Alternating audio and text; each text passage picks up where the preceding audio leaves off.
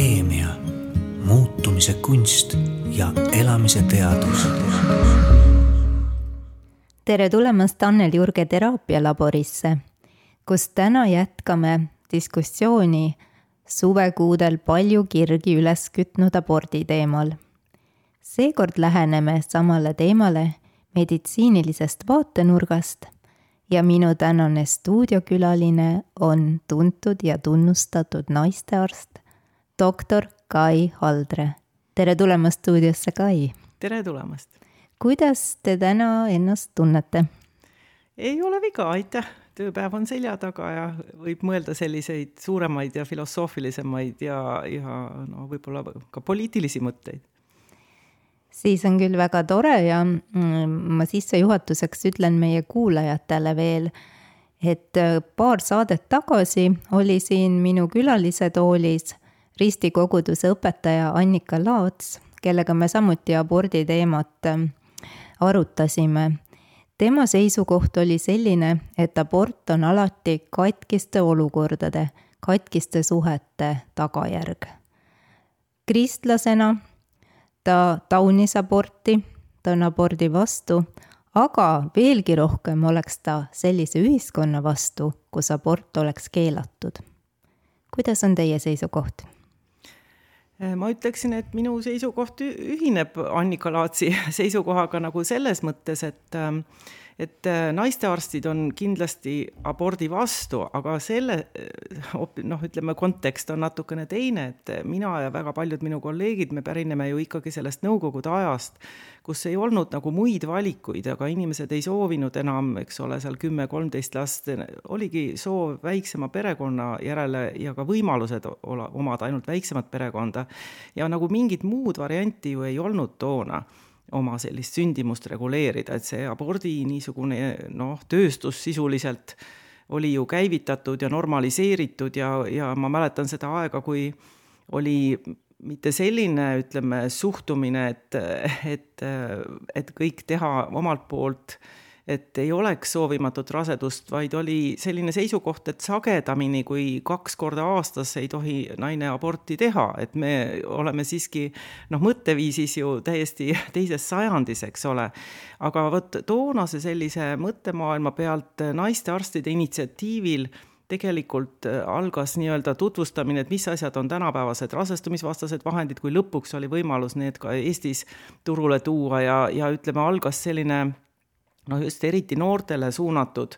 teavitustegevus, noorte nõustamiskeskuste teenu-, selline noh, süsteem sai loodud ja seda kõik niisugusel omal, me olime kõik noored ja niisugusel suurel omal initsiatiivil ja selle puhas eesmärk oligi see, et seda ebanormaalset olukorda Äh,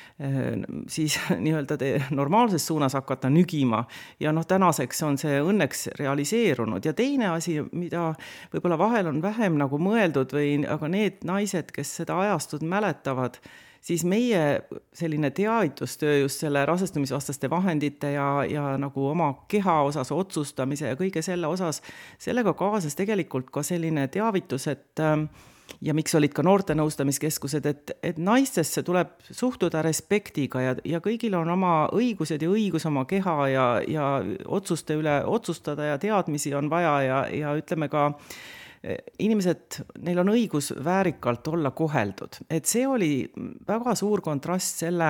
suhtumisega toonases N-liidus, sest ma, olen ise selle kõike pealt näinud ja selles süsteemis sees olnud ja see oli väga kole, kuidas naisi teinekord koheldi äh, sellises soovimatu raseduse olukorras ja kuidas neid halvustati ja, ja mõnitati ja personalil oli nagu noh, nad olid ilmselt frustreerunud oma tööst ja, ja sellest oludest ja kõigest ja nad ei, keegi polnud neile nagu teadvustanud, et palun ära suhtu inimesesse niimoodi, et ta on ju inimene, kes on hädas ja sa pead teda aitama. ja, ja miks ma julgen seda praegu niimoodi ka rääkida, et äh, kuskil siin aastate jooksul, kui me omal ajal, no me asutasime selle, siin mittetulundusühingu nagu näiteks Seksuaaltervise Liit ja kes tegi palju koolitusi ka õpetajatele niimoodi, et et kui ma siin aastaid tagasi, siin on noh, enam kui kümme, seal viisteist aastat tagasi kohtusin, ütleme, selle põlvkonna naistega, kes tänaseks ongi seitsekümmend, kaheksakümmend, üheksakümmend või, või neid ei olegi enam, et siis nad olid sellised õpetajad, kes olidki võib-olla hakanud pensionieale, aga kelle ülesandeks oli anda inimese õpetust koolis ja kui meil tuli teemaks see abordi teema, siis ma nägin, milline lahti rääkimata trauma on selle põlvkonna naiste hinges, kuidas neid oli koheldud ja kui, kui, kui väga sellised kurvad ja noh, haledad lood olid sellest ajastust, nii et äh, selles mõttes ma olen Annika Laatsiga nõus, ma olen abordivastane, ma olen samamoodi nõus, et ma ei soovi olla ühiskonnas, kus äh, abort on keelustatud, aga selle koha pealt ma nagu ei ole nõus, et see on alati katkiste suhete teema. vot see, sest et kui aborte on vähe,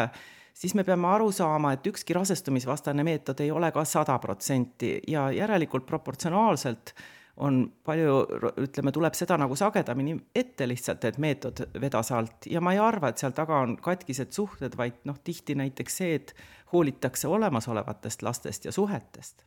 või siis võib seal taga ka olla katkine kondoom, nagu või üks, üks proua väga teravmeelselt ütles, jah. aga kuidas teile tundub, kas tänapäeva naised on teadlikud oma õigustest ja oma seksuaaltervisest? No olles ikkagi üle kolmekümne aasta töötanud, siis mul on võib-olla lihtsalt see perspektiiv, et mul on nagu võrdlusmoment, kuidas see kunagi oli ja mis ta praegu on, et mulle tundub, et noh, me võime selle kooli seksuaalhariduse üle ju viriseda, aga samas on meil veel muud meediumid, kus noored on ja sõbrannad ja, ja et, et noh, ütleme see, millised harjumused või millised seisukohad nagu selles küsimuses tekivad, need tulevad ikkagi ju noores eas, eks, et, et see, see peaks ikka teismelise eas nagu kaasa saama. Ja ma ütleksin, et see see mõtteviis, et kui ma alustan seksuaalelu ja enamasti ju alustatakse noh, peaaegu sada protsenti mitte selleks, et, et rasedaks jääda ja lapsevanemaks saada et sellega kaasneb ikkagi see mõtteviis, et ma teen midagi selle heaks, ma lähen kas noortekeskusesse küsima, ostan kondoomi juba iseseisvalt või, või pean kuskil nõu, et seda soovimatut rasedust ei tule. et äh, mulle tundub, et see mõtteviis on noh, väga niimoodi juurdunud igatahes noorte seas. kindlasti on neid kohti, kus seda võib-olla on vähem, aga, aga üldiselt see ei ole nagu absoluutselt võrreldav sellega, mis meil oli kolmkümmend aastat tagasi ja seda, kuidas see kõik ähm, on äh, arenenud, saab lugeda teie artiklist, mis hiljuti ilmus ähm, Euroopa tervise ajakirjas. E, nojah, ma olen aja jooksul, no ma olen praktiseeriv arst oma identiteedilt, aga kuna ma kunagi olen ka noh, teadustööd teinud, siis nüüd oli koroonaaeg ja üks nagu paljudel üks seisma jäänud analüüs sai lõpetatud ja eelmisel aastal seda siis avaldati Euroopa rahvatervise nagu European Journal of Public Health või rahvatervise ajakirjas, see on selline eelretsenseeritud ajakiri ja me läksime tagasi noh, siis kõigi andmete juurde, mis puudutab siis alla kahekümne aastaste aborte ja, ja vaatasime veel meie abordiregistri koos kolleegidega Tervise Arengu Instituudist, siis Kaja Rahu ja Mati Rahu ja vaatasime siis üle noh, meie registri andmed, et seal ei oleks nagu valesid kirjeid ja valesti kodeerimisi ja leidsime natukene vigu ja parandasime neid ja niimoodi ja selle põhjal siis peaaegu siis, peaaegu kolmekümne aasta, noh, peaaegu kolme kümnendi niisugune analüüs sai tehtud, et, et kuidas see abortide tase siis noorte seas on muutunud. Ma tahaksin väga öelda ka sellist asja, ütleme kuulajatele, et et teinekord ajakirjanduses ja on ka sellised noh, ütleme mittevaldkonna inimesed, kes ütlevad, nemad kõik teavad, et vot kuskil repro-, seal, mis on see Eurostatis või kuskil mujal kirjutas, et noh, et Eestis on see abortide asi väga halvasti, et me peame nagu aru saama sellest, et meil on nagu olnud kunagi üheksakümnendatel väga nutikad inimesed, kes on loonud noh, koos selle taasiseseisvusega ka mitmed meditsiiniregistrid, nagu näiteks Eesti meditsiiniline sünniregister, e, siis oli üheksakümne teisest aastast on andmed selle baasil ja samamoodi meil on register siis abortide osas, see loodi küll üheksakümne neljandal aastal, andmed pärinevad üheksakümne kuuendast, et see nii-öelda juurutamine või süsteem, et see võttis natukene aega, aga ja need registrid on loodud, noh, me kõik teame, et Põhjamaad on sellised registrite paradiisid nagu, et see ongi loodud Soome registrite eeskujul ja see tähendab seda, et Eestis on olemas usaldusväärsed andmed. kunagi pole see andmebaas kuskil sajaprotsendiline, aga noh, üldiselt me arvame, et see süsteem, mis meil on, et äh, muidu tuleksid, ütleme, kui jääks registreerimata, siis see tuleks kuidagi teistpidi välja, aga töötades ise süsteemis, siis noh, ta, ta, ta, ta peab olema niimoodi et, et meil on usaldusväärsed andmed ja kui me tahame neid andmeid kuskil võrrelda, siis me peame nagu aru saama, kuidas need teised andmed on kogunenud. nii et seetõttu ma arvan, et noh, meie võrdlus on adekvaatne siiski pigem Põhjamaadega kui siin näiteks Läti ja Leeduga, kus selliseid meditsiiniregistreid ei ole. nii et vot, et selle registri põhjal me siis tegimegi sellise pikaajalise analüüsi ja, ja noh, meil oli rõõm märgata ja eks me teadsime seda ennegi, et et ikkagi kaks tuhat üheksateist oli see meie analüüs analüüsi viimane aasta siis, et ikkagi praeguseks noh, oleme me niinimetatud väga madala abortide tasemega maa, mis puudutab noori. noh, miks see noorte asi on oluline, et eks see muster ju jääb inimestele ja need hoiakud kujunevad ju ikkagi noores eas ja see jääb ju eluks ajaks niimoodi, et see noorte äh, noorte tervis on nagu kõige selline tundlikum ka igasugustele, ütleme, seadusandlikele ja poliitilistele niisugustele võngetele. no kindlasti jah ja,. et see on nagu kõige olulisem ja see, ja sealt me nägime, et kui on alla kümne raseduse katkestamise tuhande vastavas earühmas või no, naise kohta, siis seda nimetatakse väga madala abortide tasemega maa. Ja ma mäletan noh, üheksakümnendatel, kuidas me vaatasime noh, imetlusega Põhjamaid, et nemad olid sinna jõudnud ja et kui, millal oi, meil on nii palju minna ja nii, aga nüüd me oleme noh, võrdsed, ütleme seal Soomega ja Rootsist oleme me paremad ja, ja nii edasi et alati saab veel natuke paremini, et selge on see, aga nulli, eh, seda, sellist asja ei eksisteeri paraku. no elu ei olegi ideaalne. just nimelt.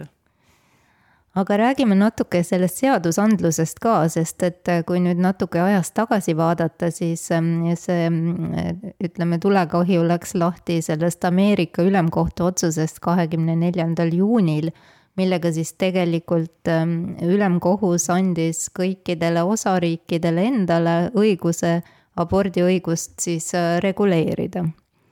aga paljude inimeste jaoks tähendas see automaatselt, justkui oleks abort üldse kogu Ameerika Ühendriikide territooriumil keelustatud ja sellele järellainetused jõudsid ka Eestisse ja meedias võis lugeda artikleid, kus äh, olid nagu appikarjed, et nüüd on kõik läbi ja varsti on Eestis ka olukord selline. et kuidas teile tundub, kas Eesti seadus täna on turvaline ja tagab kõikidele, kes seda soovivad, abordiõiguse? No ma loodan, et see kaine mõistus ikka jääb äh, pinnale, nii nagu neid ütleme edasi-tagasi hüüatusi on siin ju aegade jooksul korduvalt olnud, olenevalt siis, milline valitsus nagu võimul on ja, ja mis vaadetega nad on, aga ütleme, mina tahaks küll väga loota, et Eesti ikkagi on öelnud, et tema selline no ühiskonna ülesehitus või funktsioneerimine on nagu pigem siis selline tõenduspõhine ja meil on ju väga seda välja hõigatud, et meie otsused ja, ja lähenemised peaksid sellised olema ja noh, see see aborditeema, ta on väga emotsionaalne, igal ametnikul on oma emotsioon selle asja taga, aga ma ikkagi soovitan jääda nagu sellisele tõenduspõhisele lähenemisele, et mis on need ütleme, sammud riigi poolt, mida nad saavad astuda, mis viib abortide arvu, noh, soovimatute raseduste arvu miinimumini. et, et lisaks sellele, et me, me, eks ole, püüame teha seda, et soovitud lapsed sünniksid ikkagi õigeaegselt ja neid sünniks palju, et teisest küljest siis, et neid soovimatuid rasedusi oleks vähe ja need tegurid, mis seda nii-öelda aitavad, et seda, seda on ju need on ju väga teada ja ütleme, see on needsamad asjad, mis me omal ajal naistearstidena ja siis juba tulid haridustöötajad järgi ja niimoodi oleme ju Äh, nii-öelda noh, on, mul tuleb ainult ingliskeelne sõna push inud või lükanud mm -hmm. või nüginud, siis kõik need kolmkümmend aastat, et see on loomulikult see, et rasestumisvastased vahendid on kättesaadavad, see on, eks ole, see, et oleks seksuaalharidus järjest parem ja ütleme, selline, mis vastaks noorte ootustele, ega need ootused võivad ju ka ajas muutuda, arvestades seda, mis praegu on, ütleme, sotsiaalmeedias mõjud ja nii edasi, et aga et oleks pidevalt ikkagi heatasemeline seksuaalharidus koolides ja sellega koos peavad käima noortele sobivad noorte nõustamiskeskuste teenused. sest sealt saadud niisugune lähenemine, see jääb ju inimesele ikkagi eluks ajaks ja selle ta kannab üle ka oma lastele, nii et ma arvan, et need lähenemised on need, mis, mis, mida tuleks nagu edasi arendada ja toetada, aga mitte see, et me peaksime nende üle ka veel praegu siin nagu võist-, võitlust pidama, et, et sellepärast, et me peame nagu sellest aru saama, et ükskõik, milline on seadusandlus, on ta siis väga range, millised on ju mõned maad, võib-olla kolmandik maid maailmas või on ta siis väga liberaalne, ega siis see ei tähenda ju seda, et aborti ei tehta. et me peame nagu aru saama, et ükskõik, milline on seadusandlus, aborti tehakse ikka küsimus on lihtsalt selles, et äh, millega see lõpeb ja, ja mi-, mida see nagu ühiskonnaliikmetele kaasa toob. nii et, äh, et selles mõttes see jutt, et keelame abordid ära, nagu ma lugesin oma suureks hämmastuseks äh, juulikuus Postimehe noh, arvamusliidri, Postimehe töötaja niisugust üleskutset, et Eestis oleks vaja abort keelustada, et siis hakatakse loodet väärtustama, et praegu nagu ei väärtustataks ma lugesin seda tõesti suureks hämmastuseks, et praegu saab nagu täiskasvanud inimesed saavad mingit sellist juttu rääkida, sest ja, ja mis on veel väga huvitav areng, mida on vaadatud, et kui on liberaalne abordiseadus, no kui neid maailma maid on nagu võrreldud nendega, kus on väga selline noh, suured piirangud või peaaegu keelustatud, siis viimase kolmekümne aasta jooksul on äh, palju suurem langus olnud, palju kiirem langus abortide arvus nendes maades, kus on liberaalne seadusandlus, võrreldes siis nendega, kus, kus seda ei ole. sest ja teine asi on ka, mis on ka nagu paradoks, et kui abort on keelustatud, siis tihtipeale ei korjata ju ka andmeid, et mida ei ole olemas, siis seda me ju ei, ei tunne huvi, eks ole. et ja seal, kus on liberaalne, nagu näiteks Põhjamaad või Eesti, et, et siis on meil nagu hea andmebaas ka taga, et, et noh, see on nagu niisugune paradoks et, et seda peab nagu seadusandja siis ikkagi tea-, teadvustama, et enne kui hakata siin midagi muutma, tuleks äh, noh, vaadata ikkagi, kas maailmas on selline kogemus, mis, mis nagu seda abortide keelustamisel, et ta nüüd noh, viiks nagu soovitud tulemusi, et vot see pool rehkendusest tuleb ka ära teha või näiteks, et kui abordid on keelustatud, et siis loodet hakatakse väärtustama, mis oli nagu selle Postimehe üleskutse niisugune eesmärk. no seda oli tõesti kohutav jälgida, kui palju igasugust saasta seal ajakirjanduse vahendusel meile pritsiti, et igaüks, kes midagi arvas, inimesed lihtsalt ei süvenenudki nendesse juriidilistesse sellistesse nüanssidesse, mis selle Ameerika ülemkohtu otsusega kaasnesid, vaid äh, lihtsalt puusalt tulistasid ja avaldasid arvamust, et äh, see hakkas mulle ka silma Sellest, ja häiris sügavalt. jah, ütleme mind, noh, ütleme tava,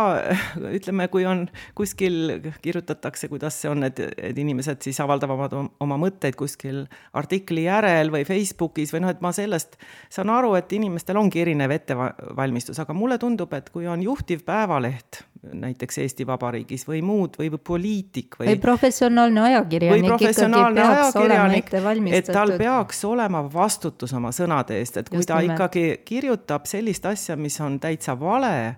või ütleme ka manipulatsioon, et tal peab olema ikkagi vastutus oma sõnade eest, et, et selle, sellest on nagu kahju, et inimene peab nagu sellest aru saama. Aga huvitav oli ka see, noh, ma vahel vaatan neid Postimehe gallupeid ja isegi osalen, et, et, et kui oligi seesama küsimus, et, et kas keelustada, siis ikkagi noh, enamus Eesti inimesi loomulikult on, leiab, et seda ei, ei tohiks kindlasti teha sest mis nagu alati need, mina olen nendes abordidiskussiooni nagu jälginud ja vahel isegi olnud see üks osapool, kes midagi sõna sekka on palutud ütlema, et see on toimunud ju aastakümneid, iga mõne aasta tagant. et ja alati tehakse nagu niisugune loogikaviga, et noh, et kuskil on need pahad naised ja enamasti nende naiste kohta nagu öeldakse halvasti, mind väga häirib, kui arvamusliidrid nagu halvustavad naisi, kellel on näiteks soovimatu rasedus või neil on vaja aborti teha et, et on nagu selline misoküünia sellega kõigega kaasneb. Ja endale nagu teadvustamata, et ega Eesti Vabariigis ei jagune naised, need pahad aborditegijad ja head sünnitajad või, või siis need õnnetud viljatusravi patsiendid, eks ole. Et meil on ikka need ühed ja samad naised, kellest me räägime, et kui me tahame, et meil inimestel oleks mugav ja hea ja sõbralik keskkond ja nad tahaksid siia ka oma lapsi sünnitada, siis tuleb naistesse suhtuda ikkagi väärikalt ja tuleb väärtustada naiseks olemist kogu elukaare vältel, aga mitte halvustada ja mõnitada, sest need on needsamad naised, et need ei jagune, samamoodi ei jagune naiste arstid, et on ühed kurjad aborditegijad, nagu me tihtipeale ka nende sellesama käima tõmmatud äh, diskussiooniga tihtipeale loeme, et ühed on nagu hästi pahad ja siis, ja siis loeme viljatusravis ja siis on tublid viljatusraviarstid, et et kuna ma ise praegu tegelen peamiselt selle viljatusraviga, et siis mulle torkab see nagu eriti silma, et naistearstide ettevalmistuses on nagu kõik on nii-öelda aspektid ja, ja nagu kaetud ja, ja, ja, ja, ja noh, niimoodi see asi nagu ei jagune, et ei ole mõtet, noh, ma, ma ei, ma ei leia, et meie ühiskond muutuks nagu sõbralikumaks, paremaks ja toredamaks, kui sellist, sellist viha ja, ja alandust nagu, nagu avaldatakse jah, eks Eestis on palju seda vihkamist ja vihakõnet ja, ja see on täitsa äh, üllatav. mul on veel mõned külalised siinsamas stuudios väljendanud, et Eestis suhtumine naistesse üldse on ikka veel ajale jalgu jäänud, et siin ei ole sellist austust, nagu tänapäeval võiks ikkagi sugudevaheline võrdsus ette näha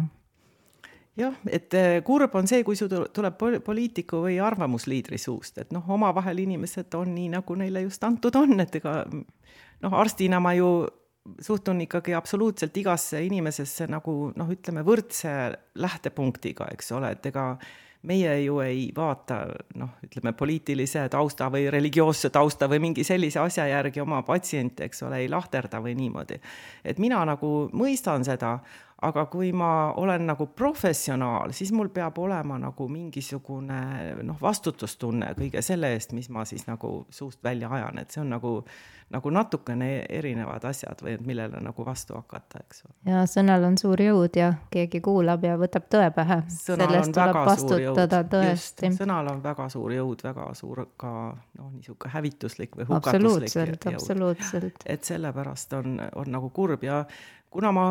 olen nagu olen, olen nii-öelda selles viljatusravi valdkonnas ka, et minu ja olen kunagi tegelenud ka sünnieelse diagnostikaga, et võib-olla see minu niisugune prisma ongi äh, noh, et, et kas Eestis siis, kuna see näiteks ka see Postimehe väide, et Eestis loodet ei väärtustata, et kas tõesti on nii, et kui me vaatame nagu seadusandlust, me vaatame, kuidas embrüot, on meil ju kunstliku viljastamise embrüokaitse seadus, eks ole, et et mis printsiibid seal on viljatusravis, meil on näiteks ja seal on väga palju seotud just nimelt selle loote ja ütleme, rakkude ja et noh, üldse sellise inimelu manipuleerimisega ja et seal on meil, ma võin praegu öelda, on kahe sellise suure rahvusvaheline organisatsioon, mille järgi me nagu noh, mis teeb nii-öelda ravijuhised ja nii edasi, seal on ka eetikajuhised. ja ma arvan, et neid on praegu kuskil viiskümmend, no peaaegu kuuskümmend, mille, mis on kõik see valdkond on lahti lahterdatud, eks ole, et et iga asja suhtes on mingi ka tõenduspõhine nii-öelda läbi diskuteeritud eetiline seisukoht, sama puudutab näiteks ju sünnieelset diagnostikat, seal on meil ka ülemaailmne organisatsioon naistearstidel ja, ja on väga korralik ja paks eetikajuhis, eks ju, mis noh, ütleme seda valdkonda, et kui ma nagu sellest aspektist vaatan üleüldiselt ja, ja kuulan väidet, et Eestis loodet inimesed ei väärtusta, siis ma sellel siis peaks olema tõendus, aga see ei tule isegi seadusandlusest ja ütleme nendest eetikajuhistest, mille järgi me ju igapäevaselt toimetame, et see ei tule nagu kuskilt välja, et see on väga kurb, et sellist noh, asja nagu püütakse levitada või sellist seisukohta. aga kui me vaatame nüüd sinna abordiseadusesse sisse, siis mm, üldjuhul võib aborti Eestis teha eh, siis hiljemalt kaheteistkümnenda rasedusnädalani et äh, seal on ju ka juba sisse see kirjutatud tegelikult. Jah, kindlasti, noh, see ongi selline tavapärane, tavapärane raseduse suur, suurus, eeldades siis, et, et kui on soovimatu rasedus, et noh, inimene jõuab ikkagi selgusele ja et kui tal mingid asjaolud ja noh, teine ütleme, selline varane rasedus katkestamine, seal on ikkagi vähem nii-öelda ka nii meditsiinilisi kui ka ütleme, selliseid psühholoogilisi noh, üleelamisi, et, et see, mida väiksem rasedus, seda ohutum ja seda nagu lihtsam võib-olla on see katkestamise teema nii-öelda tehniliselt, aga me peame jällegi ma arvan, et noorem põlvkond võib-olla pole seda ka üldse teadvustanud, et kust me nagu tuleme, me tuleme sellisest ajastust, kus meil oli, kui mina õppisin näiteks ülikoolis kaheksakümnendatel, siis oli niimoodi, et Äh, loode või inimene algas raseduse suurusest kakskümmend kaheksa nädalat ja üks kilo, mis tähendas seda, et kuni selleni oli tegelikult abort, et noh, omal soovil siis kuni kaksteist ja hiljem, kui olid meditsiinilised näidustused, siis sai teha siis kuni kahekümne kaheksanda nädalani. ja üheksakümne teisel aastal, nii kui meil oli võimalus ise otsustada, siis me ju võtsime vastu nii-öelda selle rahvusvahelise standardi, et, et e, laps algab meil ju kakskümmend kaks nädalat viissada grammi, loomulikult kui juhtub sündima varem ja on elumärgid, siis ega keegi noh, ju seda ju maha ei löö, eks ju, seda inimest, et ikka püütakse elustada, aga see on pandud ka piiriks selles mõttes, et et see eluvõimelisus või ütleme ka kvaliteetse eluvõimelisus, igasugust kasu, kasuistikat on, aga ütleme seal viissada, kuussada, seitsesada grammi, et nemad niimoodi nagu noh, elu ütleme ka mingi tervise aspektist eluvõimeliseks kasvatada, et see see pädevus tekkis ka üheksakümnendatel aastatel ja selle koha pealt on Eestis muidugi väga hästi ja meil on nagu väga noh, kõrgel tasemel see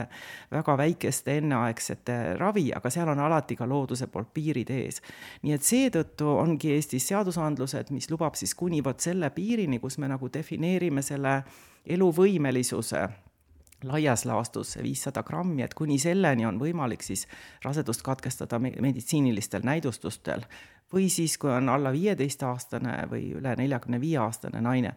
ja siis on vaja juba noh, mitme inimese otsust nagu mitme spetsialisti, et see ei ole niimoodi, et nagu siis nendes artiklites siin oli sellele Ameerikale vastuseks kirjutatud, et kuskil on mingid hirmsad terariistad ja koledad naistearstid, kes püüavad siis midagi sellist koledat korda saata. nojah, ja ma ei ole küll Ameerika õiguse spetsialist, absoluutselt mitte, aga ma olen asja natuke uurinud, kuna nagu juristiharidus on olemas, siis ma olen aru saanud, et ka seal on osariigiti tegelikult väga erinevad Äh, seadused kehtivad, et mõnes osariigis on isegi äh,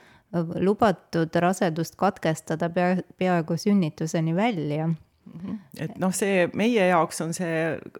ka väga kohutav ja väga noh, kummaline, sest me ei saa sellest absurdne. praegu absoluutselt, see on täiesti absurdne sest et äh, kui meil on tõesti näiteks, et raseduse suurus, seda tuleb ju ette, on seal näiteks kakskümmend kaheksa nädalat ja. või kolmkümmend, see ülivarane enneaeg, aga näiteks emal on raske preeklampsia või selline kaasuv haigus, et ta, kui ta seda rasedus jätkaks, siis ta kohe, kohe hukkuks ise, on ju, kõige selle lapsega, siis me loomulikult, aga see on meie jaoks ikkagi enneaegne sünnitus, et me kutsume lihtsalt esile enneaegse sünnituse, et et need on nagu noh, kontseptuaalselt on ju Eesti selles mõttes noh, kõik on nagu läbimõeldud, on eetiline, on selline, kus kõik osapooled noh, võiksid nagu sellest raskest situatsioonist, kus ei ole enam palju valikuid, et nad tuleksid sellest ikka võimalikult nii-öelda elusana välja, eks ju. et see on Just nagu nimelt. see lähenemine või selline eetiline aspekt sellele absoluutselt. aga nüüd ähm, tulles selle abordi maksumuse juurde, et ma olen lugenud ka niisuguseid arvamusi, et ähm, abordi eest tasumine peaks naise enda probleem olema, et seda maksumaksja mitte mingil juhul ei peaks kinni maksma, et kui palju siis üks abort maksab? No kõigepealt ma tahaksin jälle tuletada meelde, et Eesti Vabariigis inimesed ei, või naised ei jagune, ütleme, tööl käivad naised maksumaksjateks ja aborti tegevateks naisteks, eks ole, et, et antud juhul siis, kui, kui Haigekassa kindlustust ei ole, siis me peame kõigi asjade eest tasuma, eks ole, et seda me kõik teame, kui on Haigekassa kindlustus, siis on terve rida siis ütleme noh, niisuguseid protseduure, mis siis Haigekassa poolt on kaetud, kuna me oleme maksumaksjad, nii et naistel ei kuidas saab niimoodi öelda, et ma ei tea, maksumaksja, seesama naine ongi maksumaksja, nüüd on küsimus selle, et milles siis see ühiskond on nagu kokku leppinud, et ma jällegi, olles nii kaua süsteemides ja siin äh, meditsiinis töötanud, et ma mäletan väga hästi seda aega, kui, kui see kõik algas, et see, kui abort nii-öelda läks tasuliseks see oli samamoodi siis üheksakümnendate aastate alguses, kui meil lõpuks oli võimalik hakata Eestisse, noh, toodi tänapäevased rasestumisvastased vahendid ja see muutus kättesaadavaks ja ja nii edasi, et sellel ajal oli siiski esimene hetk selline, kus võib-olla need vahendid olid küllalt kallid ja võib-olla noh, ei olnud nii kättesaadavad, et ja teisest küljest abort oli tasuta ja kättesaadav. Ja kui me kõik mäletame, siis esimesed kooperatiivid olid ikka abort ja hambad, eks ole, olid nad seal koos, eks ole, et oli üheksakümnendate alguses, et kuna see haiglasüsteem oli ka nii noh, selline inimvaenulik, siis see oli kohe selline nišš, kuhu siis eraasjad siis nagu üle läksid. see kadus täiesti ära hiljem, kui kõik muutus, eks ole. hambad jäid. ja hambad jäid jah, et hambad kehtestati, aga noh, abordiga, kus on abort, seal on pahandused nii-öelda juba ammu aega. et, et siis oligi, kui ma õigesti mäletan, oli üheksakümne neljandal aastal, kui siis otsustati, et noh, et abort oleks siis tasuline, et nagu motiveerida siis kasutama rasestumisvastaseid meetodeid ja ma mäletan ka, et seal oli alguses üks selline kohutav periood, noh, et kui alati nagu mõelda, et selle taga on ju keegi inimene, kes on selle allkirja pannud ja selle välja mõelnud, et kus veel see hind sõltus valutustamisest, protseduuri valutustamisest, et toona oli meil ju kõik kirurgilise meetodiga abordid, et tänapäeval see on ju väga üliharvaks jäänud, et praegu on kasutusel siis tabletid, et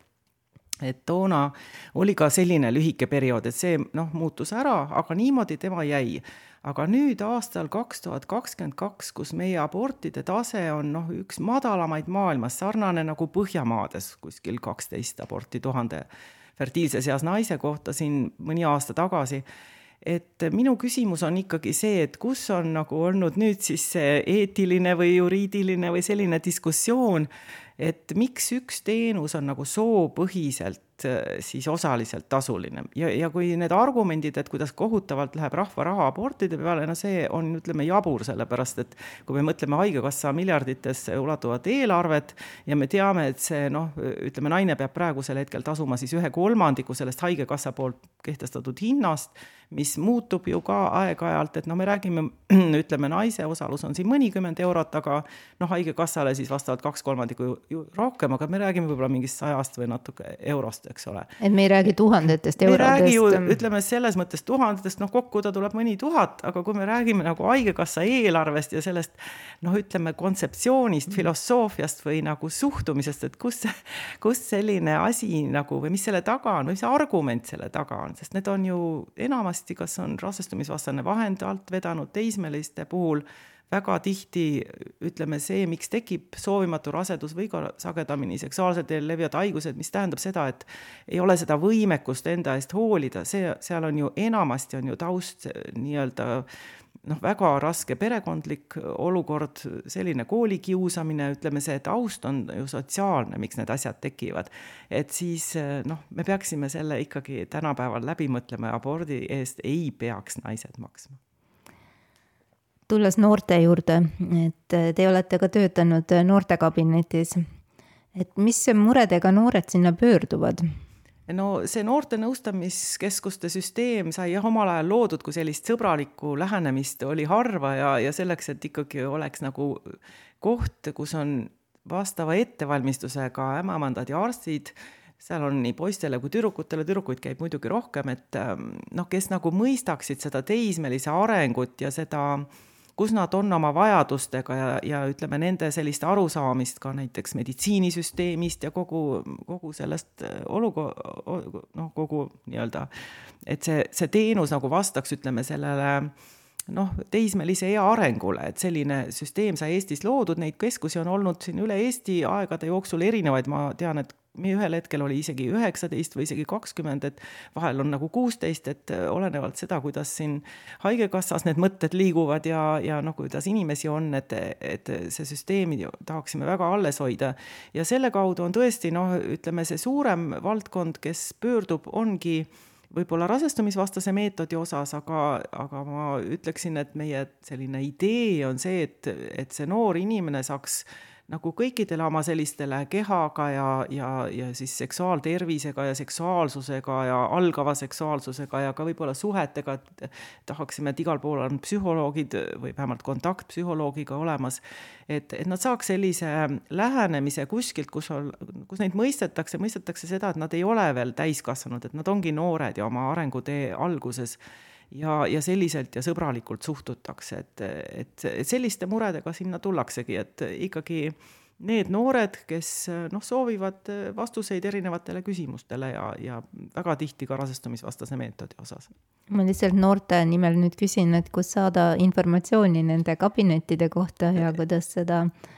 broneerida aega ja, sinna? Seksuaaltervise Liidu leheküljelt on, seal on kõik need äh, kontaktid ja broneerimised ja need on seal toodud, et üle Eesti, kuhu saab pöörduda. ja ma arvan, et tihtipeale noh, neid sai pandud ka see informatsioon omal ajal näiteks nendesse in, noh, nii-öelda õppematerjalidesse, mis koolis olid, et no tuleks nagu informatsioon ja teenused nagu samal ajal, et kui sul tekib mingeid oma probleeme, kui seal näiteks inimeseõpetuses räägiti midagi seksuaalharidusest, midagi seksuaalsusest või kontratseptsioonist, et et juures oleks kohe ka see, et kui mul nüüd isiklik mure on, mida ma ei taha siin klassiruumis rääkida, et kuhu ma siis lähen. Ja see koostöö koolidega on olnud nagu traditsiooniline juba üheksakümne üheksakümnendatest aastatest, et koolid teaksid, kuhu siis lapsed saaks pöörduda ja, ja lapsed noh, saavad teinekord käia ka klassiga või niimoodi, et näha ära selle koha, et ei oleks seda hirmu võib-olla. no see on väga tähtis, et noored saavad teadvustatud, sest et tänapäeval on ju ka väga palju internetipornot et kui noored saavad sealt oma hariduse, see nagu mõjutab väga tugevalt ka nende psüühikat ja tekitab väärettekujutuse sel-, seksuaalkäitumise kohta üldse. sest seal ei ole mingeid filtreid ja enamasti ja. inimesed vaatavadki seda. ja, ja noh, teades, et enamus noori on seda vaadanud, siis see omakorda viib selleni, et see on üks teema, see tundub küll väga jabur ja, ja ütleme, võib-olla niisugune hirmutav õpetajatele, aga need ongi teemad, mida tänapäeval tulebki ka klassiruumis läbi arutada, et, et noh, et sa vaatad seda, et sa ei ole sellepärast mingi halb inimene või sa ei pea seda varjama, aga, aga et noh, et mis tähendusega see on, et just nende tähenduste läbi arutamine võiks olla selle inimese õpenduse üks osa, see noh, see seksuaalharidus ongi ju nagu väärtuskasvatus ja ja anda oskusi ja teadmisi ja selleks, et inimene ise saab nagu siis teadlikke otsuseid või ennast mitte kahjustavaid otsuseid elus vastu võtta. just nimelt ennast väärtustada ja oma partnerit just, ja suhet väärtustada, et ikkagi emotsionaalne Äh, just. suhe on väga tähtis. just, et ma ütleksingi niimoodi, et noh, mulle meeldib nagu see lähenemine, mis on noh, ütleme, see seksuaalharidus on ju ka nagu Holland ja Rootsi ja see on ju väga noh, vana asi seal juba pool sajandit või rohkem, et sellise noh, tänapäeva mõtteviisina, aga et, et ütleme, seal maades, kus see on kauem olnud, seal on, ütleme, selline puhttehniline pool, et mis on see rasestumisvastane vahend ja mis on need haigused ja kuidas vältida, et see on isegi kuskile bioloogiasse liikunud, et ütleme, see seksuaalharidus inimese õpetuse osa on ta ju. et see võiks olla ideaalis siiski just selline suhete nagu haridus ja väärtuste ja ja, ja nagu noh, kuidas ka lahku minna niimoodi, et üksteise suhtes respekt säiliks ja, ja mis need inimsuhted üldse on, et selline diskussioon ja ma pean ütlema, et kus koolides see on olemas, on nagu need enesearengu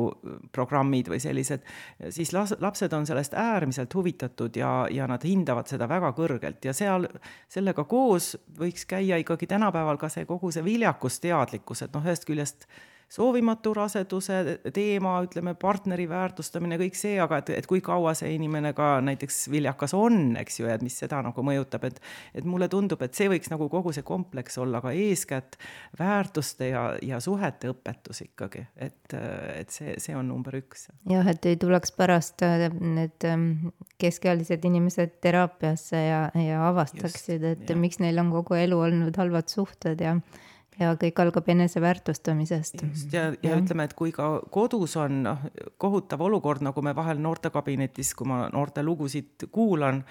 eh, mul on, see, see viib mind nagu, see on üks väheseid asju, mis mind rivist välja viib nii-öelda mõtetes või emotsionaalselt, et kui ma olen päeval kuulna, kuulanud, ütleme, ühe noore inimese sellist äh, noh, ikka väga karmi olukorda kodus ja kuidas on tema ümber täiskasvanud, kes ei oska vanemlikku vastutust võtta või on üldse vastutustundetud ja kus on vägivald ja joomine ja niimoodi et, ähm, et ütleme, see inimeseõpetus ja see haridus ja, ja noh, see koolikeskkond, see peaks olema ka selles mõttes toetav, et nendel tüdru-, noh, tüdrukutel ja poistel oleks nagu võimalus sellest kuidagi välja rabeleda või kuidagi sellega hakkama saada, sest see on nagu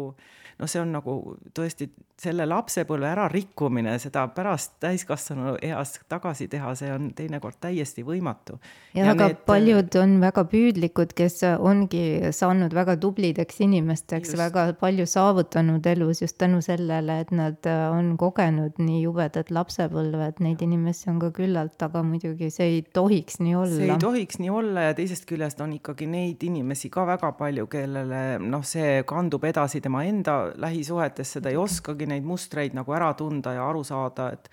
ja sellist eneseanalüüsi poolt, et noh, et sellest koledast kodukeskkonnast peab ikkagi olema võimalus kuidagi noh, kuidagi neid aidata ja, ja kogu see lastekaitse ja, ja niisugused asjad, et ja, ja noh, nagu näha seda, et, et ütleme, selline riskeeriv käitumine ja, ja need suitsiidi, suitsidaalsed käitumised ja need asjad, mis on nagu ja noh, vaimse tervise teemad, et kuidas need on selle koduga seotud, et sellepärast noh, mind ikka kohutavalt haavas see või oli ka kohutav lugeda, et, et siin mõned aastad tagasi, kui üks äh, meie nii-öelda ka poliitikasse pürgiv kirikujuht, eks ole, temalt ka küsiti, et kuidas tema abordisse suhtub. ja tema ütles, et tema on siis, oli ka Postimehes, et, et no meie esikiriku juht, et et jah, et ta tükk aega mõtles, et kuidas siis nagu suhtuda, et jah, et, et suhtu-, et tema on nõus ainult siis, kui naine noh, tunneb, et ta on süüdi ja kui ma siis mõtlen selle viie-kuueteistaastase peale, kellel on nii kohutavad tingimused kodus ja kus kogu selle noh, täiskasvanuna sa näed, et selle lapse traagika ongi see keskkond, kus ta on ja siis ma loen seda juttu juurde, kuidas ta peab veel süüdi ka ennast tundma, no siis äh, see noh, inimesed ikka peaksid nagu aru saama, mida nad suust välja ajavad, et, et noh, see empaatiavabadus noh, kui seda nagu empaatiat ei ole, et siis noh, ole siis vait, aga ära võta ajakirjanduses sõna ja veel tõmba nii-öelda peale sellele noh, sellele õnnetusele, mis juba niikuinii kohal on. No tundub ja, et see mõnikord ongi nagu need äh, reli-, religioossed dogmad äh, põhinevadki ju tegelikult, äh, et inimestele seda süütunnet sisse süstida, et kui inimene on süüdi, siis ta on alandlik ja ja ta ei tõsta pead ega protesti millegi vastu, et ta on kõigega nõus jah, et ma arvan, et noh, kultuuriliselt me tuleme sellest ja, taustast, meil on kõigis see sees, ma ei ole religioosne inimene, aga see süütunne, noh, ma saan sellest aru, minus on see väga, et kogu aeg oled nagu süüdi, et kuskilt see, see tuleb. luterlaste taust. ja luterlaste ja katoliiklastel on samamoodi veelgi hullem, eks ole. et, et noh, et see on nagu pigem see pool, et noh, kui me teinekord elus hakkama ei saa, et nagu ennast analüüsida, et, et noh, et see ongi nagu mingi asi, mis on meilisse kuidagi sisse tulnud, aga, aga noh, et seda nagu veel edasi edasi ja just nimelt, et noh, et me, meil oleks nagu see eneseteadvustamine, et kust see nagu tuleb ja mis on selle tagamaad ja et kas see on nagu hea või halb asi, et vahel on ta hea, sest neid inimesi me näeme ka, kellel igasugune häbi ja süütunne ju puudub, et et seal on jälle teised asjad. aga, aga noh, et seda analüüsi osa just noh, tuleks nagu kuidagi siis ikkagi soodustada ja, ja, ja noh, ütleme, kui valdkonnas otseselt ei ole ja inimestega kokku ei puutu nii-öelda üks-ühele siis noh, need arvamusliidrid ja poliitikud ja nad peavad ikkagi kuidagi vaatama, et kui nad neid sõnu seavad, et et noh, mitte noh, niiviisi in-, naisi veel eriti halvustada või alavääristada, et selle, see, see ei, see ei ole tore ja, ja ma arvan, et kui me tahame, et oleks palju lapsi ja oleksid õnnelikud perekonnad, siis ega see nagu paremaks ei tee seda. ei, see ei tee mingil juhul paremaks. aga noorte tervisest veel rääkides et kuidas tundub, et kuidas äh, tänapäeva noored, ma, ma saan aru, et on väga haritud nende rasedusvastaste vahendite suhtes, aga kas nad on ka teadlikud, et mida valida ja, ja kuidas äh, siis ennast kõige paremini säästa, sest on ka levinud palju müüte nende hormonaalspiraalide ja siis ka antibeebipillide osas, et need on pigem kasvajaid tekitavad, kas see on müüt või on see ka tõepõhi all? no jah, et võib-olla see on eraldi podcast nendest erinevatest vahenditest, nende, nende plussidest ja miinustest, et, et selge on see, et noh, ütleme Need hormonaalsed meetodid on ju kasutusel, mis pille puudutab siis kuuekümnendate aastate algusest, eks ole, läänemaailmas. kui nüüd oleks midagi tõeliselt katastroofilist sellega seotud, no siis oleks see ju ammu ära lõppenud, see kasutamine, et selge on see, et et, et need kasud ja hüved ja, ja see igal juhul kaalub üles need riskid, mis on mõnel inimesel, et kui on selline eelsoodumus ja seetõttu ongi, et noh, nii-öelda tsiviliseeritud maades nagu Eesti, et ütleme, hormonaalsed meetodid on siiski retseptiga, et noh, arst siis ikkagi või meil on ka ämmaemandatel ja õdedel võimalus kes on ettevalmistuse saanud, et, et ikkagi ära kaardistada, et, et neid ohutult kasutada. ja nüüd ütleme, erinevalt muudest ravimitest, siis nende rasestumisvastaste meetoditega on ikkagi see, et on hea teada inimestel endil lihtsalt, et nad on kõik olemas, aga vahel seda valikut ei oskagi võib-olla ise teha. et, et sellises nõustamisprotsessis nagu läbi rääkida, vot need hüved ja, ja, ja puudused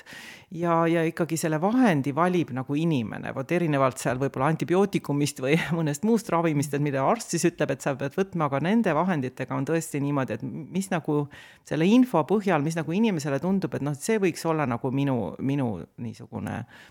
valik. ja, ja peab ka ütlema seda, et noh, me ei tohiks ka niimoodi suhtuda, et noh, et nüüd ma valisin ära ja nüüd mul jääbki niiviisi. elu lõpuni. ja elu lõpuni, eks ole, et niimoodi see asi ka ei ole, et on isegi tehtud noh, analüüse või uuringuid, et eh, ma tean, mäletan üks niisugune suuremaid ja nagu autoriteetsemaid oli ka vist Ameerika baasil, et, et keskmiselt naine siis vahetas erinevaid vahendeid kümme korda elu jooksul, et noh, kümme korda ta nagu muutis, kas siis seda pilli või spiraali või midagi mhm. muud ja, või valis siis erineva nii-öelda molekuli, et et see on nagu täiesti noh, loomulik äh, protsess, et jällegi seesama eelmine teema, et ei pea ennast süüdi tundma, et kui midagi, et, et ikka, kui midagi ei sobi, eh, noh siis tulla tagasi ja vaadata, et mis see nagu oli, et mida siis nagu vaadata, et mis võib-olla sellist kõrvaltoimet või ebameeldivust ei põhjustaks, et et, et kindlasti igalühel on kuskil midagi või keegi. no ja, ja nagu eks niimoodi. tänapäeval inimesed on ikkagi rohkem teadlikud juba, et oskavad oma keha ka kuulata, et Just. kui on ikkagi mingi mingi vahend või mm, ravim, mis üle, üleüldse ei sobi, siis ei tasu ju pingutada, et tuleb kuulata, et ja. kui keha seda ei soovi, siis on ja. kindlasti midagi muud olemas. ja teisalt noh, ütleme noorte seas ka selline sõprade soovitused ja informatsioon ja see on ju äärmiselt oluline, et et palju infot levib ka niimoodi, et ütleme, ega seal on see asi ka, et mis sõbrale sobis või ei sobinud, et noh, endale ei saa seda täielikult üle kanda, sest iga kere on ikkagi erinev. absoluutselt ja. ja kehad on väga targad. kehad on väga targad saavad aru, mida neil on vaja. Mm -hmm. nii et, et jah, aga noh, ütleme kunagi ka võib-olla sellised müüdid olid, et noh, et seal noorele sobib see ja vanale too ja nii edasi, et sellist asja nagu ei ole, et vanuse põhjal Eh, noh, otseselt ei ole ei ükski vastunäidustatud, et, et noor inimene võib kasutada mida iganes, mis on välja mõeldud, eks ole, noh, steriliseerimist mitte, eks ole, et see, siin on seadusandlus ees õnneks. ja seadusandlus on ees. Ja ka õnneks on ka seadusandlus andnud võimaluse noortele, kes on kuusteist aastat vana, ise otsustada siis selle abordi tegemise üle ja ka ikkagi psühhiaatri juurde minemise üle, et see on nagu väga hea just nimelt, et, et noh, on olnud jah, siin kahjuks sellised ajad Eestis, mida on, mis, mis ei ole mitte kuhugi viinud peale selle, et on põhjustanud suuri inimkannatusi meie nende samade ühiskonnaliikmete seas, eks ole, kelle kõrval me siin elame, et ühel hetkel on nad noored, edasi on nad ju täiskasvanud, et, et milleks selliseid kannatusi on vaja nagu esile kutsuda, kui meil oli siin eh, umbes viis aastat oli äkki kuskilt täiesti ilma aruteludeta ju hakati nõudma seda, et ala, et noh, ütleme siis kuni kaheksateist, et peab näiteks raseduse katkestamiseks küsima siis lapsevanema nõusoleku. ja kui seda ei saa või ei ole, et siis minna, läheb see asi kohtusse ja no rasedus ju kasvab iga päevaga, eks ole. et ja siis ütleme noh, nagu ma juba mainisin, et sellest ka kunagisest minu oma uuringutest ja igalt poolt on ju teada, et et risk soovimatuks raseduseks teismelise eas on ju suurem siis, kui on nagu perekonnas äh, näiteks vägivald või joomine või noh, perekondlik olukord on seal kuidagi raske, et siis sa pead veel minema sealt äh, sellelt vägivaldselt vanemalt siis veel nõusolekut küsima, et noh, ütleme lihtsustatult, et et õnneks see asi sai tagasi pööratud, aga see on muidugi väga kurb, et näha neid lugusid, mis, kus need noored inimesed ju kannatasid, et need on ikkagi elus inimesed ja nende elud ja nende lood ja, ja noh, et vähemalt see, see asi on nagu ja sama puudutas seda psühhiaatria asja, et, et samamoodi, et me ju teame, et rohkem on ju vaja psühhiaatrit siis, kui on kodus olud rasked ja kus sa siis ei saagi seda nõusolekut ju, et see on jälle nagu eh, noh, selline pahupidi pööratud loogika, et, et ma väga soovitan, et ükskõik millised poliitikud meile ette otsa nüüd tulevad või valimised ja nii edasi, et olge kenad, no küsige nendelt inimestelt, kes nii-öelda vis-a-vis, kes näevad ja kohtuvad nende probleem, probleemidega igapäevaselt inimese enda tasandil, tasandil ja teisest küljest, kes on nagu kursis ka ütleme teaduskirjandusega, et, et noh, ei ole mõtet teha tagasikäiku arenenud Eestis, eks ju, me tahame ikka edasi liikuda, et inimestel oleks toredam ja parem siin ühiskonnas elada. No see oleks täiesti äh, terve mõistuse vastane, kui peaks üldse mingit tagasikäiku sellele seadusandlusele nüüd äh, antama, mis meil praegu kehtib. me oleme seda ikkagi ju ehitanud ikka kolmkümmend aastat just, et kui midagi teha, siis teha ta võib-olla veelgi paremaks, kui on aja jooksul mingid puudujäägid ilmnenud või, või ütleme, mingid sellised konarused, et, et mida noh, no minu arvates, nagu ma juba mainisin, et näiteks see, et abort on tasuline, no see, see tuleks kindlasti ära muuta, et et ta peab ikka olema, ei saa olla soopõhist hinda, et see on kuidagi veider ka aastal kaks tuhat kakskümmend kaks. see on väga veider tõesti aastal kaks tuhat kakskümmend kaks. jah et kahjuks, kahjuks on see nii, et noh, et on niisuguseid nüansse, mida veel paremaks teha, aga ütleme, sellist äh, radikaalset muudatust, äh, noh, selleks peab mingi põhjendus olema, et see ei saa emotsioonide põhjal nagu toimuda. see aga... on inimeste elud ikkagi. just nimelt, need ongi inimeste elud ja nende lood ja, ja kui ikkagi empaatiat ei ole, siis äh, ei ole võimalik ka neid lugusid mõista, ükskõik siis milline see seadusandlus parasjagu on. just nimelt. Kahjuks, kahjuks on see niimoodi ja no mina olen isiklikult ikkagi optimist, et, et ma arvan, et alati terve mõistus kunagi ikkagi võidab ja ütleme, selline sõbralikkus ja üksteise austamine, et see jääb nagu ikkagi noh, nii-öelda valdavaks, et, et ega sellises negatiivses ei taha ükski inimene ju väga kaua püsida. see on selge, aga kui nüüd küsida selle nii-öelda haiglamiljöö kohta, et kui nüüd tõesti üks inimene tuleb aborti tegema, et kui, milline siis on see suhtumine? Täna, te kirjeldasite seda nõukaaegset ja inimestel on ikka kollektiivne alateadvus on veel vägagi teravalt äh, üleval, et kuidas nõukogude ajal suhtuti nendesse naistesse. Ja ütleme, et ikkagi on ka veel tänapäeval kohti, kus suhtutaksegi samamoodi no ma arvan, et äh, mingit ideaalmaailma meil ju kahjuks ei ole, et on Seda loomulikult küll. erinevates asutustes on äh, noh, erinevad töötajad, erineva taustaga töötajad ja, ja noh, ütleme see, see lihtsalt on niimoodi, et loodame, et mida no uuemad põlvkonnad, et nemad oma suhtumise on saanud nagu siis äh, õpetajatelt, kes on neid õpetanud siis tänapäevaselt, eks ole, ja, ja ütleme näiteks seal ähm,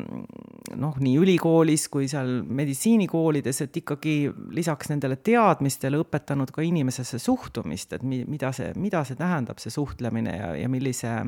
no kui oluline see on, et see on ka töö inimesega. see on töö inimesega, et mida tähendab inimväärikus ja selle austamine ja, ja ütleme, sõbralikkus ja, ja et see peaks olema nagu iga, iga lüli niisugune osa, eks ju. et mina tean lihtsalt, kuidas on praegu minu töökohas see asi korraldatud, et, et kui on soovimatu rasedus, siis meil on eraldi nõustamisajad selle jaoks, eraldi noh, inimesed, nad vahelduvad, et erinevatel aegadel on erinevad arstid ja ja, ja see noh, valdavalt on see ambulatoorne töö, kuna inimesed tänapäeval pöörduvad ikka väga varases rasedusega ja, ja on ta siis nii-öelda medikamentoosne raseduse katkestamine, mis oma olemuselt noh, ta on ikkagi paras üleelamine naisele ja ta on ikkagi valuvaigistit vajav protseduur ja niimoodi, et siin arvata, et, et noh, et kõik käivad sinna lihtsalt niisama sisse-välja ja ei väärtusta loodet, et et see on nagu põhjuseks, et see noh, see on lihtsalt alandav, sellepärast no, see on et, veel kehaline üleelamine, aga ja. ütleme, see mentaalne no mentaalne võib juurde, olla mõlemas suunas, eks ole, mõnikord on, on see üleelamine, et oleks võib-olla soov soovinud, aga ei ole neid tingimusi, võimalusi või midagi, noh, on lihtsalt niimoodi teinekord on see ka tegelikult kergendus. Ja, ja ma arvan, et nagu kütta või süstida seda, et kui naine tunneb selle olukorra lahenemisel kergendust, et siis ta jälle on süüdi, siis see ei ole ka õige, sellepärast et see, see omakorda, et kui ma siis ei tunne ennast süüdi, siis ma, siis on jälle halvasti, et kes ma selline olen, siis ma ei julgegi rääkida oma tunnetest ja võib-olla kui tahaks midagi, midagi jagada. nii et igal naisel on selle protseduuriga seoses õigus oma tunnetele, täpselt nendele, mis on adekvaatselt selles tema situatsioonis ja, ja selles, miks ta sellesse situatsiooni on jõudnud, eks ole. aga arvata seda, et see on midagi väga kergekäelist, no see on kõik nii palju ebameeldiv, et, et, et see ei ole niimoodi. ja kes on see kohtumõistja, kes moraalset kohut teise inimese üle üldse on õigustatud mõistma, seda inimest ei ole olemas. seda ei ole olemas ja noh, ütleme minu seisukoht on ikkagi see, et juba see selline retoorika või noh, et mina peaksin siin istuma praegu ja õigustama seda, et, et naistele on see nagu et naine võib minna ja oma raseduse katkestada, juba see on tegelikult jabur, et, et igal inimesel on see õigus ja see ei ole niimoodi, et see on nagu noh, niisama asi. Ma, ma tean, et noh, ütleme see vastuseis on võib-olla ka nii, nagu meil ühiskonnas on, et ütleme, kui ka see abordi nii-öelda noh, vaba abordi eest võitlejate sellise nagu, kes barrikaadidel on nii-öelda, et ka nende seas on niisuguseid äärmuslasi. ma olen seda oma silmadega näinud ja kõrvadega kuulnud, et sellised seisukohad, mida noh, mis on minu jaoks, ma mäletan, et see oli üheksakümnendatel oli üks rahvusvaheline kongress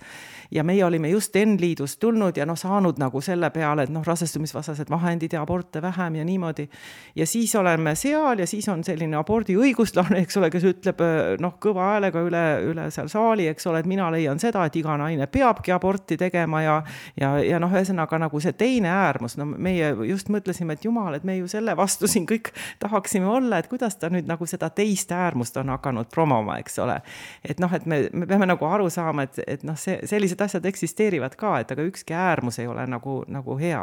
aga arvata jah, aga arvata noh, et, et see on nagu midagi hästi sellist lõtva, mis käia sisse-välja, see ei ole ja teiseks minule ei ole mingisugust vajadust õigustada naisi, vaid igal naisel ongi õigus oma tunnetele ja täpselt nendele tunnetele, mis, mis sellega kaasnevad, aga kehaliselt on see noh, piisavalt ebameeldiv, et, et ütleme noh,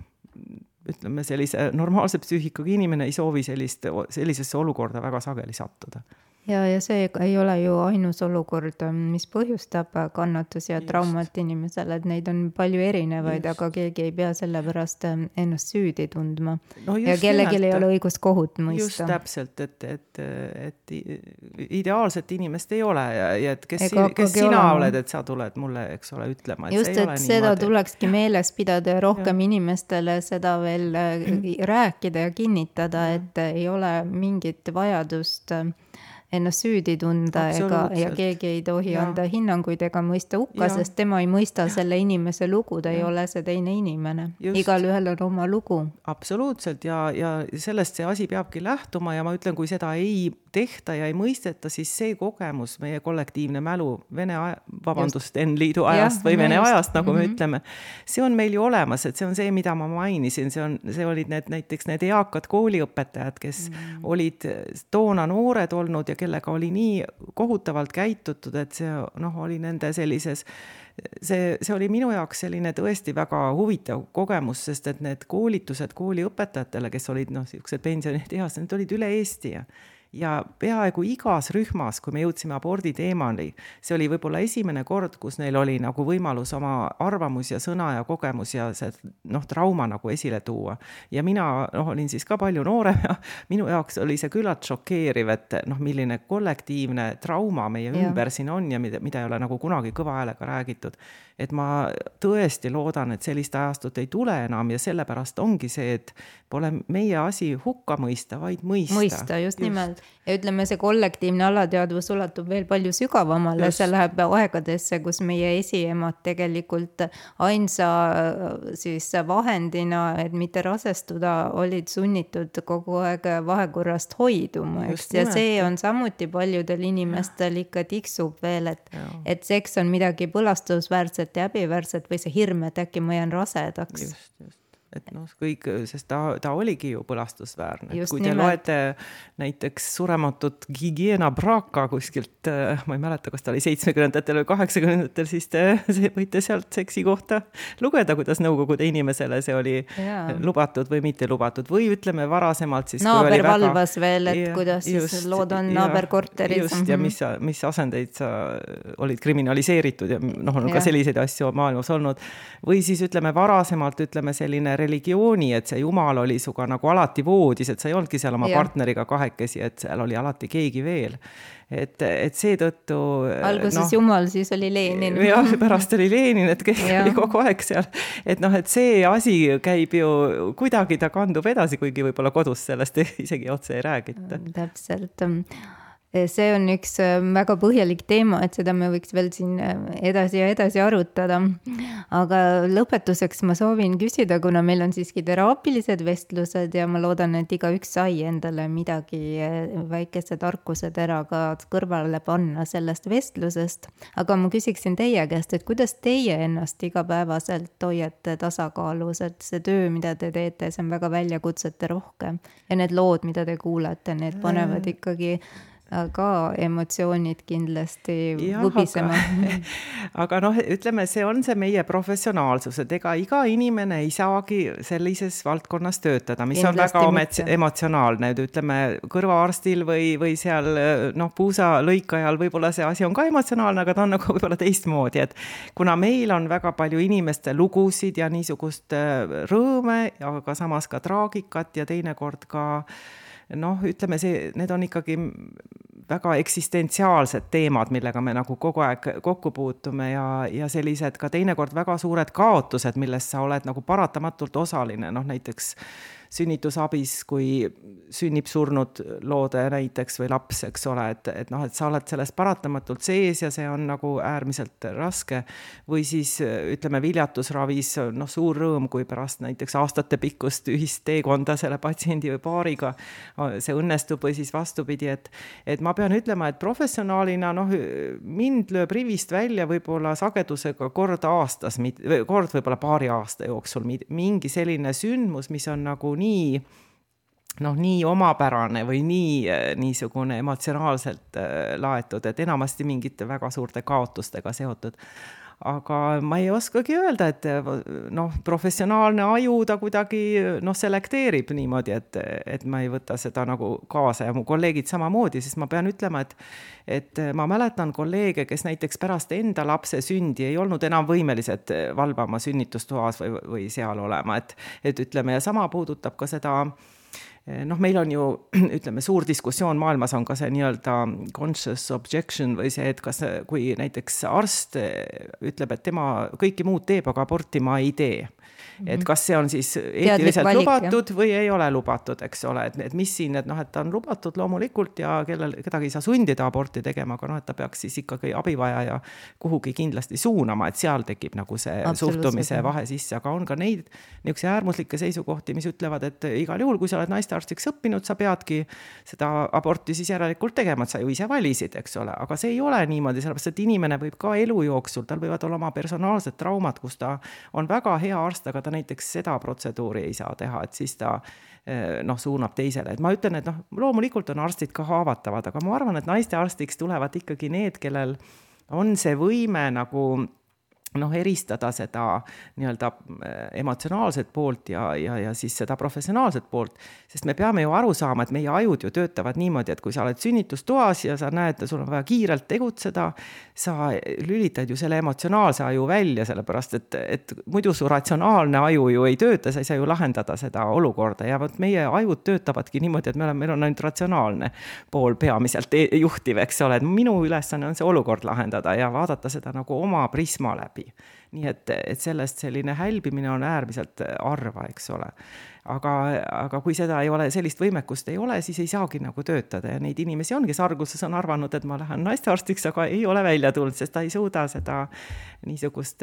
niisugust noh, väikest nüket oma ajus teha, eks ole, see on muidugi niisugune alateadlik, aga, aga niimoodi ta on, see on nii nagu eksami ärevusega, et kui ma olen ärev, siis ma ei saagi eksamit teha, eks ole. no kas on isiklike piiride seadmine samamoodi, et ega kõik ei peagi kõike tegema ega saagi teha, et igaüks on milleski väga hea hea. ja ka patsientidega suhtlemises piiride seadmine, et, et no, et mitte ütleme, kogu seda draamat ja traumat enda, enda piiridesse sisse just, lasta, see on väga oluline. et noh, et jääda viisakaks, eks ole, ja empaatiliseks, aga samas mul on oma piirid. see on päris ma, selge. seda, ütleme, no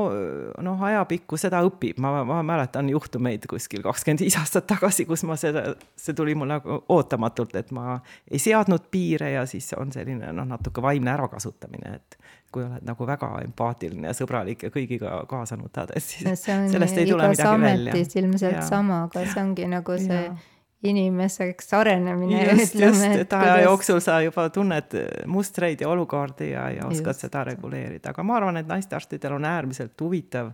tore eriala ja, ja see just just nimelt see, et et me näeme seda inimelu nagu rakkudest alates, noh näiteks seal embrüoloogias, et kui me oleme seal viljatusravi poole peal, meil ju palju noh, ikkagi ka vahetame oma positsioone või noh, kuidas keegi, aga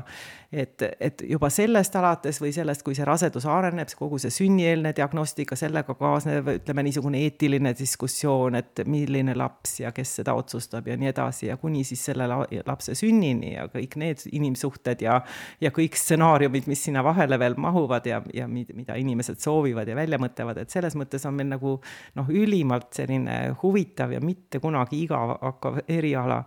aga noh, ilmselt seda valivadki siis need inimesed, kellele see sobib. ja eluimed ja eluküllus on kõik sinna sisse ette laotatud. see on, see on väga-väga tore amet aga meil on kindlasti tulevikus veel palju huvitavaid teemasid ja ma ootan teid tagasi ja. siia külalise tooli. ja täna ma tänan kõigi nende toredate seikade eest ja, ja, ja heade mõtete eest mida meie kuulajad siis said nautida meie vestluse jooksul ja igaüks sai kindlasti endale mingi väikese tarkuse teragi oma tarkuse varasalve juurde panna. mina tänan ja soovin teile väga toredat ja, ja siis ähm, ikkagi sündmusterohket karjääri. et oleks rõõmsaid sündmusi palju rohkem, uusi sünde ja kõike, mis rõõmu teeb teie töös suur aitäh, et äh, ma arvan, et see nii lähebki ja nii ta ongi alati olnud, et rõõmsaid on ikka rohkem. ja mina tänan kõiki kuulajaid, kes te veetsite selle tunnikese meiega ja ootan teie mõtteid ja ettepanekuid oma emaili aadressil anneli.alkeemia at gmail punkt kom. peatse kohtumiseni ja siis on juba uued huvitavad jutud. aitäh! Alkeemia, muutumise kunst ja elamise teadus. alkeemia taskuhääling toob teieni huvitavat ja harivat keha, hinge ja meele vallast. kuula ja loe alkeemia.ee, leia meid ka Facebookist ja Instagramist